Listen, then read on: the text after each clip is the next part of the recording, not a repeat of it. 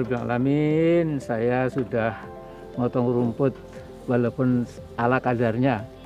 Tapi insya Allah saya dan teman-teman itu memang punya keyakinan bahwa apa lingkungan kita ini harus hijau, harus rapih itu.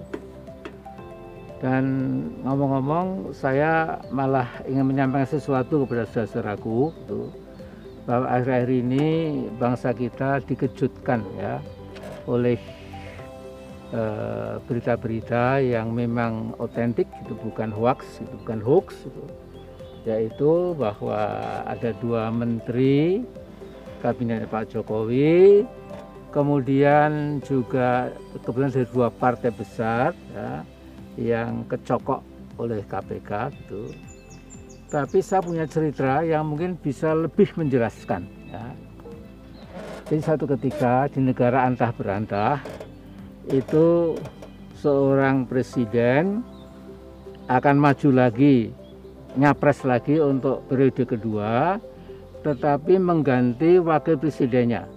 Teman presiden ini tanya gitu apakah Anda nggak khawatir kalau wapres Anda yang periode pertama ini nggak Anda apa ajak lagi nanti di luar dia katakanlah membuka ya kelemahan penyelewengan yang mungkin terjadi di rezim Anda. Lantas Pak Presiden tadi mengatakan tidak mungkin dia berani apa membuka-buka. Saya punya file sekian penyelewengan dia itu. Itu luar biasa ini. Nah, kemudian teman presiden tadi itu silaturahim ke wakil presiden yang nggak dipakai lagi itu dia mengatakan, Bung, saya nggak ngadu domba ya, tapi saya kaget karena presiden yang kemarin dengan Anda itu mengatakan Anda punya file penyelewengan sekian. Nah, saya terkejut ketika Wapres yang nggak dipakai lagi itu, loh, saya juga punya, nah, dia mungkin lebih banyak lagi gitu. Nah, ini saya kira di negara antah berantah ini itu memang sudah agak sulit saya kira. Korupsi yang highly professional, yang sangat profesional itu yang ada di istana. Di mana pun, di Indonesia, di Filipina, di Thailand kerajaan, tapi juga di negara-negara barat yang maju, negara Amerika Latin, Timur Tengah, semua korupsi yang gede-gede, ya, yang gigantic corruption, ya, skala raksasa, ya, mega scale corruption, itu mesti di pusat kekuasaan. Nah, kalau korupsi di gubernuran, korupsi di balai kota, kabupaten itu korupsi amatiran. Ya. Nah, karena itu saya melihat di cokoknya Pak Edi Prabowo ya dan Pak Yuliar eh, Batubara ini sesungguhnya gunung es. Seperti saya kira sebagian besar Indonesia itu mesti berpikir ya, Bagaimana dengan misalnya jutaan hektar HPH ya hak pengusahaan hutan yang diberikan kepada orang-orang itu ya yang nggak punya jasa apa pun itu sampai-sampai di Kalimantan itu ada seorang konglomerat kehutanan ya itu memiliki HPH sebesar Switzerland sebesar negara Swiss bayangkan sampai sekarang masih ya. And so on and so forth Nah kemudian juga mungkin kita nggak bisa pernah paham bagaimana mungkin ya. Negeri ini itu sudah sudah kehilangan kehilangan kedaulatan. Misalnya saudara MS Kaban, Menteri Kehutanan yang kemarin itu ya, itu kan secara publik mengatakan bahwa 70 sekian, apa 74 persen kalau tidak salah ya, tanah DKI itu bukan miliknya orang Betawi, bukan itu orang apa orang uh, ya orang-orang suku-suku yang lain ya tapi dimiliki oleh konglomerat ya. Ini luar biasa.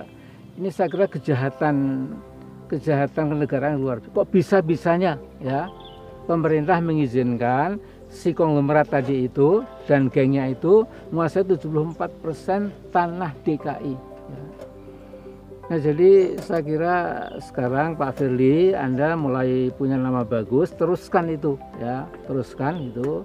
Kelihatannya Allah telah membuka ya dengan cara langit ya. Jadi tiap kali kita di kota mana pun selalu mendengar itu orang sholawatan di masjid-masjid itu ya wa zolimin bi zolimin ya jadi ya Allah mudah-mudahan engkau adu orang satu yang dolim dengan orang dolim yang lainnya. Kelompok dolimin dengan kelompok dolimin lainnya. Sepertinya itu sekarang saya lihat ada political crack ya, ada ada bengkah politik ya. Jadi sudah saling serang itu, saling akan buka-bukaan dan ini bagus sekali ya karena kalau antar elit itu saling cover up, saling menutupi, yang kasihan rakyatnya. Ya, rakyat yang menderita ini ya tidak bisa apa-apa karena elit sudah saling menutupi. Tapi ini insya Allah, alhamdulillah ya, elitnya itu sudah kelihatan makin bertabrakan. Kemudian bangsa yang besar ini, itu yang masih punya harapan masa depan yang bagus itu, mudah-mudahan penangkapan dari KPK yang mengejutkan itu diteruskan lagi gitu dan siapa pun itu harus dibongkar itu. Baik yang OTT maupun yang dulu-dulu ya. Jadi saya juga kaget loh ya. Ada katanya korupsinya Pak Raden Priyono itu kalau nggak salah ya. Direktur BP Migas itu ya.